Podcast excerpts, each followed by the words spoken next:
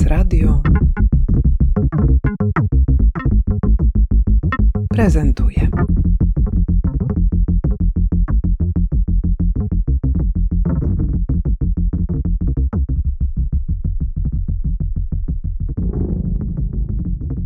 Nazywam się Weronika Szczawińska i jestem reżyserką teatralną. Pracujesz teraz nad y, premierą, która już za chwileczkę, dosłownie za, za parę dni przecież, trąbka do słuchania. Jak odkryłaś Leonorę Carrington? Jak to się stało, że wziąłaś ten tekst na warsztat? Kilka lat temu przeczytałam trąbkę do słuchania Leonory Carrington. To było nadrobienie takiej e, potężnej zaległości, bo w zasadzie trąbkę chciałam przeczytać e, od kiedy pamiętam, tylko zawsze coś mi stawało na e, przeszkodzie. Ja się w swojej pracy staram bardzo inspirować sztuką, literaturą tworzoną przez kobiety, a Leonora Carrington jest taką matronką niezależnej, szalonej, anarchistycznej sztuki kobiet. I od razu, kiedy tę trąbkę przeczytałam, miałam taką intuicję, że to może być bardzo fajne dla teatru, właśnie dlatego, że jest, że jest nieproste, bo w tej powieści w zasadzie nie ma takich rzeczy, które by się poddawały jakiejś prostej teatralizacji. Fabuła jest dość obłąkańcza i zawikłana. E, bohaterki są w takim wieku, że właściwie nie można znaleźć w Polsce ansamblu, który składałby się z aktorek, e, no właśnie mających powyżej 80 i 90. Natomiast pomyślałam, że to jest super materiał dla teatru, bo zawiera takie tematy, które z jednej strony rezonują niesamowicie współcześnie, a z drugiej strony właśnie nie zostały napisane tu i teraz, tylko zostały przez Carrington umieszczone w takim świecie jej artystycznej wyobraźni. I te współczesne wątki to jest oczywiście Girls to the Front, nawet jeżeli te girls są bliżej setki niż dwudziestki. To jest taki świat oparty bardzo na feministycznych, szeroko rozumianych kobiecych wartościach, bardzo szeroko, nie esencjalistycznie, ale też z takim wątkiem apokalipsy ekologicznej w tle i w ogóle takiej konieczności zmiany społecznej, która by szumnie mówiąc uzdrowiła planetę. Wszystkie te wątki jakoś mieszczą się w mojej pracy teatralnej. Natomiast wtedy, kiedy przeczytałam e, trąbkę, nie udało mi się jej e, zrealizować, e, więc tak czekałam, czekałam i, i okazało się, że chyba teraz jest dobry moment, bo oprócz wszystkich tych wątków, o których powiedziałam, może warto też powiedzieć, że ta powieść e, jest naładowana takim bardzo anarchicznym humorem i niechęcią do dogmatów i niechęcią do takich wielkich, spójnych historii, które nam objaśnią świat. Stawia raczej na relacje, na doświadczenie i na bliskość pomiędzy różnymi istotami ludzkimi i nieludzkimi. A myślę, że to są takie jakości, których e, bardzo teraz potrzebujemy bo chyba wszyscy i w tym moja widownia, o której nieustannie myślę, jesteśmy wyczerpani, wyczerpane po prostu tym, co się dzieje na świecie. Dużo jest takiej błyskotliwości w tej, w tej powieści. Jak ty to przekładasz na język teatru? Trąbka e, do słuchania, którą za Leonorą Carrington, przełożoną przez Marynę Ochab, uruchamiamy na scenie, jest dosyć mocno sfokusowana na temacie wspólnoty. I w tym e, spektaklu będziemy się starali robić taki nasłuch różnych wspólnot. Bo gdyby chcieć trąbkę, tę właśnie anarchistyczną powieść do czegoś zredukować, to tak jak sobie to ustaliliśmy z dramaturgiem przedstawienia Piotrkiem Wawrem Juniorem, to jest trochę taki przegląd wspólnot istniejących na różnych zasadach. Jest powiedzmy taka wspólnota rodzinna, dosyć tradycyjna, która pozbywa się starszej pani, uważając ją za cytuję, zaśliniony worek gnijącego mięsa, oddaje ją do zakładu opieki. Więc jest taki problem ze wspólnotą rodzinną. Potem przyglądamy się takiej wspólnocie, która znajduje się w takim no, pensjonacie źródło braterskiego światła, który jest skrzyżowaniem trochę domu dla seniorek z sektą, a która dla nas jest takim modelem wspólnoty opartej na wartościach bliskich wierze i przez to dosyć opresyjnej. No i wreszcie kolejna wspólnota to jest taka wspólnota z wyboru, która powstaje w wyniku bardzo zawikłanej intrygi powieściowej i która już właśnie składa się nie tylko ze starszych pań, ale także pszczół, e, wilkołaków, wilkołaczek i która odzyskuje dla wielkiej bogini ziemi, święty kielich, żeby życie mogło, mogło przetrwać. Więc przyglądamy się tym wspólnotom, przyglądamy się tym, jak się e, organizują, przyglądamy się temu, no właśnie, jaka jest e, relacja pomiędzy jednostkami. I bardzo przemawiają do mnie takie właśnie teorie o tej powieści Carrington, które mówią, że tytułowa trąbka do słuchania jest właśnie tym takim e, instrumentem do wsłuchania się w świat z całym jego relacyjnym chaosem, właśnie przeciwko takim dogmatom czy założeniom, które strukturyzują te takie wspólnoty nieco sztywniejszego rodzaju. W opisie, który znalazłam na stronie Wrocławskiego Teatru Współczesnego, pierwsze zdanie brzmi komediowa historia o radosnej apokalipsie.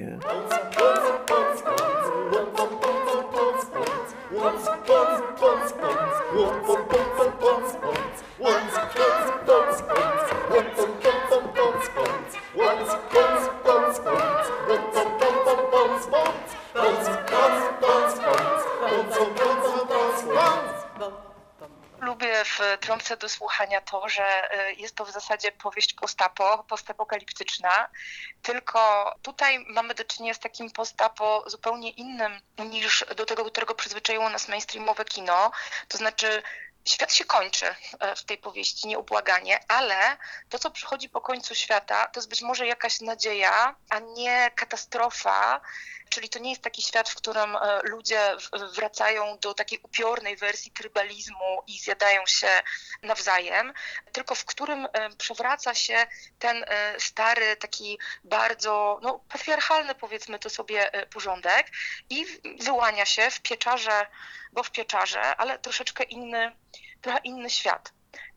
I to jest właśnie też taki punkt wyjścia e, naszego przedstawienia, bo my, cała inscenizacja trochę jest tak ukonstytuowana, że zaczyna się w tym punkcie dojścia trąbki do słuchania. To znaczy, my sobie przyjęliśmy takie założenie, że to jest jakiś e, nowy świat, taki troszkę właśnie postapokaliptyczny, trochę na ruinach tego starego świata, bardzo traszowy w swojej wizualności. I e, na ruinach tego świata e, siedzi sobie taka wspólnota, która się wyłoniła z tej trąbki do słuchania i to jest jej święta opowieść. I ta wspólnota sobie tę trąbkę do słuchania wystawia. Więc gramy z takimi powiedzmy kilkoma poziomami fikcji właśnie wokół tego tematu szczęśliwej apokalipsy. Mi się wydaje, że to jest w ogóle dosyć typowe dla pisarek które e, podejmowały takie tematy fantazy czy science fiction, e, czy podejmują właśnie taki rodzaj feministycznego post-apo, który widzi jakąś szansę. Tak? Można by to, nie wiem, porównać chociażby do wiem, współczesnej stacji 11, czy do takich bardzo klasycznych science fiction, nie wiem, jak Ursula Le Guin, czy czy Octavia Butler. No właśnie, więc świat się kończy i może coś z tego się da wyciągnąć, jakąś nową wspólnotę z grzybami, kozami, wilkołakami. Na plakacie widzę dwie aktorki, które są odziane w jakąś taką fantazję o niekończącej się serwetce wydzierganej przez, przez babunię. Świat wizualny e, tego spektaklu tworzy przede wszystkim Marta Szypulska, e, artystka wizualna, scenografka i zawodowa krawcowa, a także sztab jej współpracowników i współpracowniczek. E, takim głównym punktem wyjścia jest estetyka, którą nazwaliśmy sobie oczywiście w dużym cudzysłowie babciną. To znaczy taki świat przytulny, wydziergany, w którym ma być przede wszystkim miło, ładnie i ciepło, więc duża część tego świata wizualnego jest z wełny, jest z serwetek. Jest tutaj, bardzo jestem dumna z tego, że ten e, projekt ma taki bardzo rzemieślniczy charakter. Znaczy wszystko jest po prostu robione ręcznie. E, tutaj rozmaite, e, wspaniałe osoby zajmujące się zawodowo dzierganiem, bądź nie zajmujące się dzierganiem zawodowo zgłaszały się do Marty, żeby z nią współpracować w tym dziele. I tutaj również dramaturg Wawer Junior partycypował w dzierganiu niektórych rzeczy. Jak jestem bardzo dumna, że jedną z naszych dziergających jest wybitna artystka teatralna i tłumaczka Iwona Nowacka, więc duży projekt e, dziergający. Ale oprócz tego, to jest jedna warstwa tylko tego świata. Druga, e, która też jest gdzieś tam tekstylna, ma taki charakter już znacznie bardziej obiektowo-dadaistyczny, to znaczy druga seria kostiumów, która w tym przedstawieniu się e, znajduje, jest zrobiona z ready-made'ów, z takich, e, nie wiem, jakby odpadów tego dawnego świata. Mamy więc na przykład suknię uszytą z pasów samochodowych, dwie aktorki występujące w kostiumach zrobionych z namiotów, jedna z postaci ma zamontowany na głowie welon na kole e, od, e, od roweru. Więc z jednej strony dzierganina, z drugiej strony ready-made. Mamy też takie siedziska, które są naszą fantazją na temat tego, jakby zrobiono obiekty do siedzenia z tego, co zostało z jakichś ruin świata, na przykład ze znaków drogowych, ze starych motorów, z jakichś chodzików. Mm, Mamy takie, nie wiem, peruki z włosia i makaronów, więc z jednej strony estetyka babcina, a z drugiej strony właśnie taka trochę fantazja o postapokalipsie w świecie, w którym się przesunęły bieguny i panuje wieczne zimno.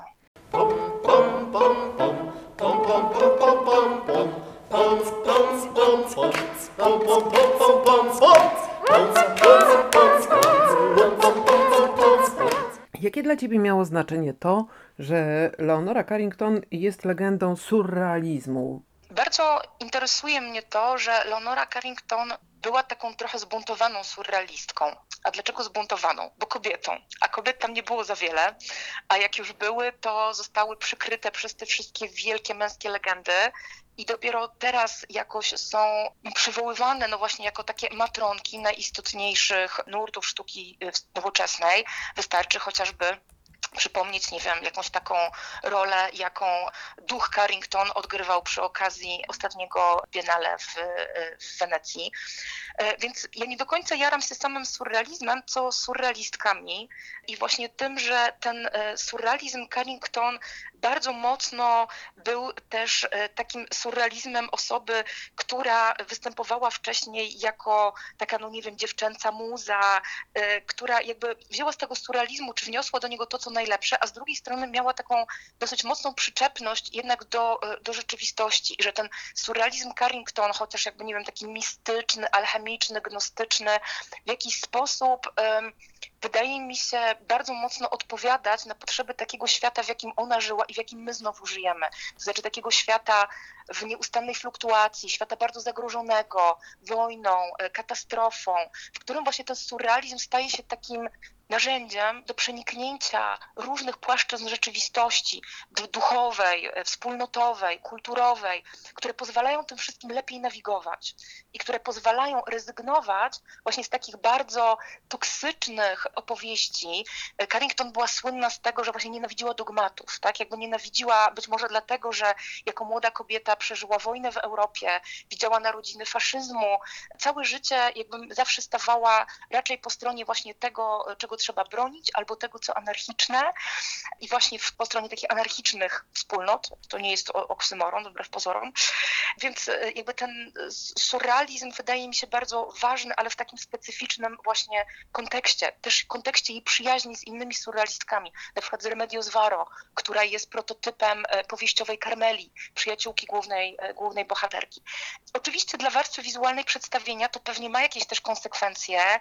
Patrzyliśmy dużo sobie na obrazy Carrington, które są po prostu wielopłaszczyznowe i wkładamy trochę wysiłku w to, żeby nasz spektakl dział się też na kilku planach, żeby właśnie nie był takim statycznym, teatralnym, płaskim obrazem, ale raczej właśnie taką em, rozpisaną na rozmaite e, figury przygodą, inspirowaną tą wspaniałą surrealistyczną artystką.